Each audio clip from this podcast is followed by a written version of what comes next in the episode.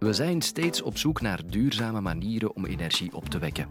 Een van die manieren is het gebruik van waterstof. Een gas dat heel licht is, geurloos, niet giftig en bovendien geen CO2 uitstoot, maar proper water. Geweldig toch? Maar waarom gebruiken we het dan niet allemaal massaal? Scheikundige ingenieur Tom Breugelmans legt uit waarom rijden nog niet alle wagens op waterstof. Dit is de Universiteit van Vlaanderen.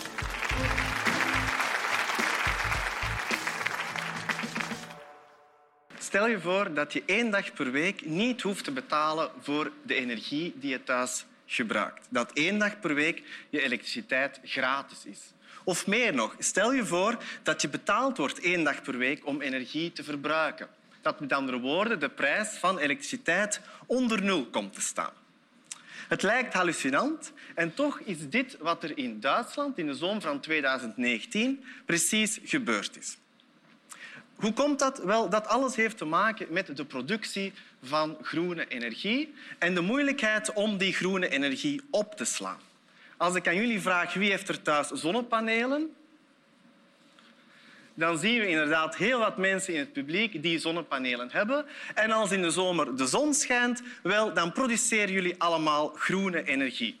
Maar diezelfde dag zitten jullie waarschijnlijk in jullie tuin aan jullie barbecue en hebben jullie heel weinig van die groene energie nodig. Gevolg, die energie, daar moeten we dan die dag ergens mee naartoe. Jullie willen die dan terug op het net zetten, zodanig dat jullie later een, een lagere energiefactuur krijgen. En dat is net wat er gebeurt met groene energie. Dat is ook wat er in Duitsland gebeurt. Duitsland heeft bijvoorbeeld zeer veel windparken. En als er dan zeer veel energie geproduceerd wordt in die windparken, wel op diezelfde dag kan je niet heel eenvoudig met een knopje de klassieke energiecentrales, denk aan aardgascentrales, denk aan kerncentrales, die kan je niet even snel afzetten en de volgende dag weer opzetten. Dus er wordt op zo'n dag te veel energie geproduceerd en die energie die moet je dan afvoeren door bijvoorbeeld overdag de straatlantaarns aan te steken of spotgoedkoop te gaan verkopen van Duitsland aan Nederland, waar men dan de energie afvoert door de spoorwegrails bijvoorbeeld te verwarmen. Dat is toch verspilling. Inderdaad, dat is een zeer grote verspilling van die kostbare groene energie. Dus daar moeten we iets aan proberen te doen. En dat is wat we binnen mijn onderzoeksgroep aan de Universiteit van Antwerpen proberen te doen. Hoe kunnen we die energie gaan opslaan om hem dan later te gaan gebruiken wanneer we die energie nodig hebben? En er zijn verschillende methodes, maar een van de methodes om dat te doen is om die energie te gaan opslaan in wat we noemen hernieuwbare brandstoffen. We kennen allemaal de niet hernieuwbare brandstoffen, of beter gezegd de fossiele brandstoffen, de aardgas, de aardolie. Maar hernieuwbare brandstoffen zijn dus brandstoffen die we gaan maken door onze groene energie in te stockeren en om dan later, wanneer we hem nodig hebben, hem daar terug te kunnen gaan uithalen. Er zijn verschillende soorten hernieuwbare brandstoffen. Nu, als we dan gaan kijken wat zijn goede kandidaten, wel een van de meest voorkomende of een van de grote kanshebbers als hernieuwbare brandstof is waterstof.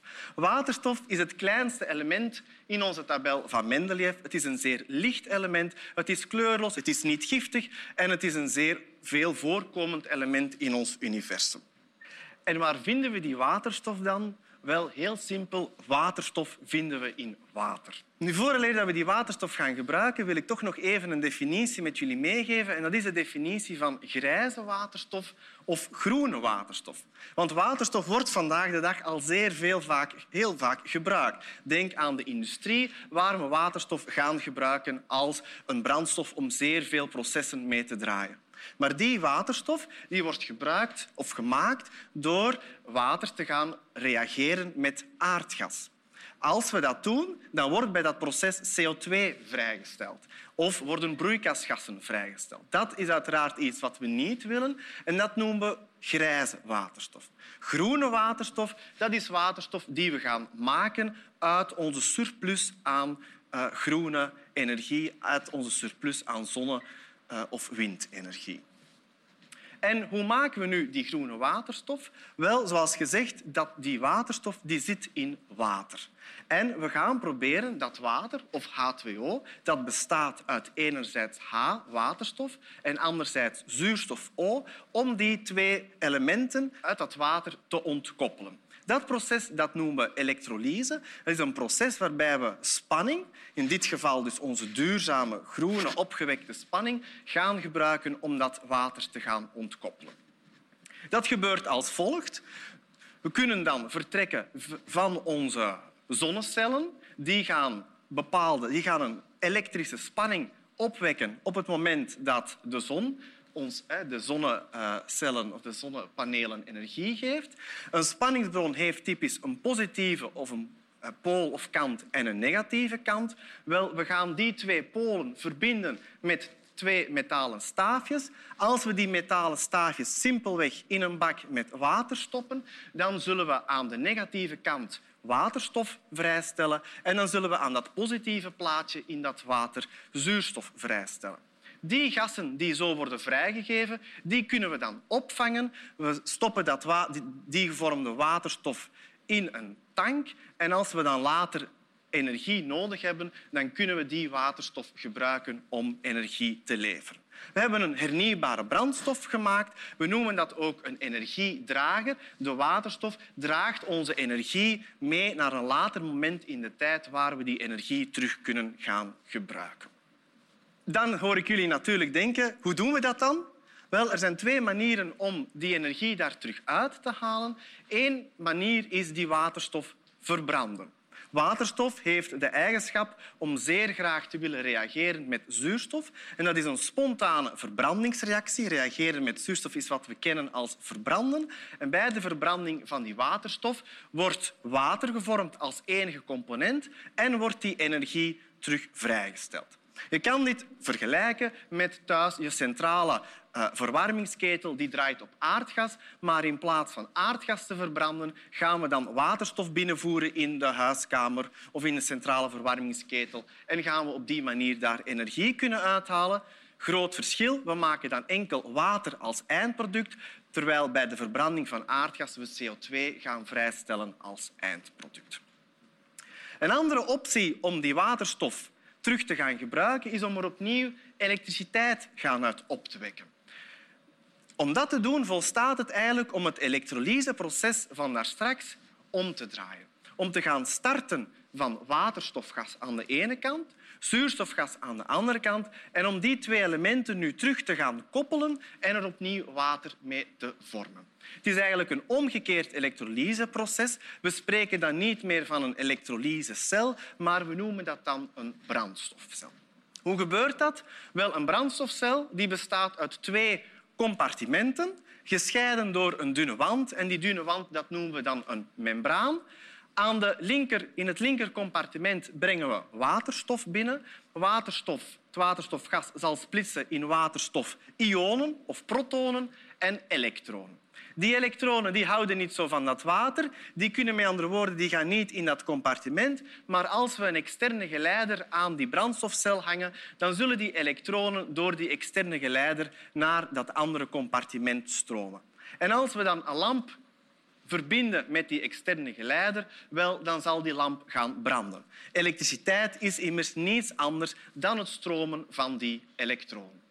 Aan de andere zijde, aan het andere compartiment van de cel, brengen we dan zuurstof binnen. En als we één zuurstofion laten reageren met twee waterstofionen, dan zal er water gevormd worden in de brandstofcel. Dus conclusie, we hebben nu energie vrijgesteld uit waterstof met als enig eindproduct water.